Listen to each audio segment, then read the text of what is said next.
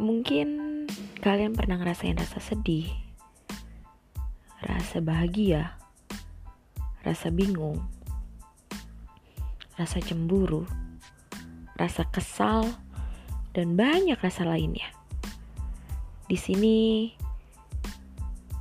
gue akan selalu membicarakan tentang rasa. Rasa tentang aku, tentang kamu, tentang hujan, dan tentang waktu. Karena rasa adalah cara kita untuk tahu bagaimana keadaan kita selama ini.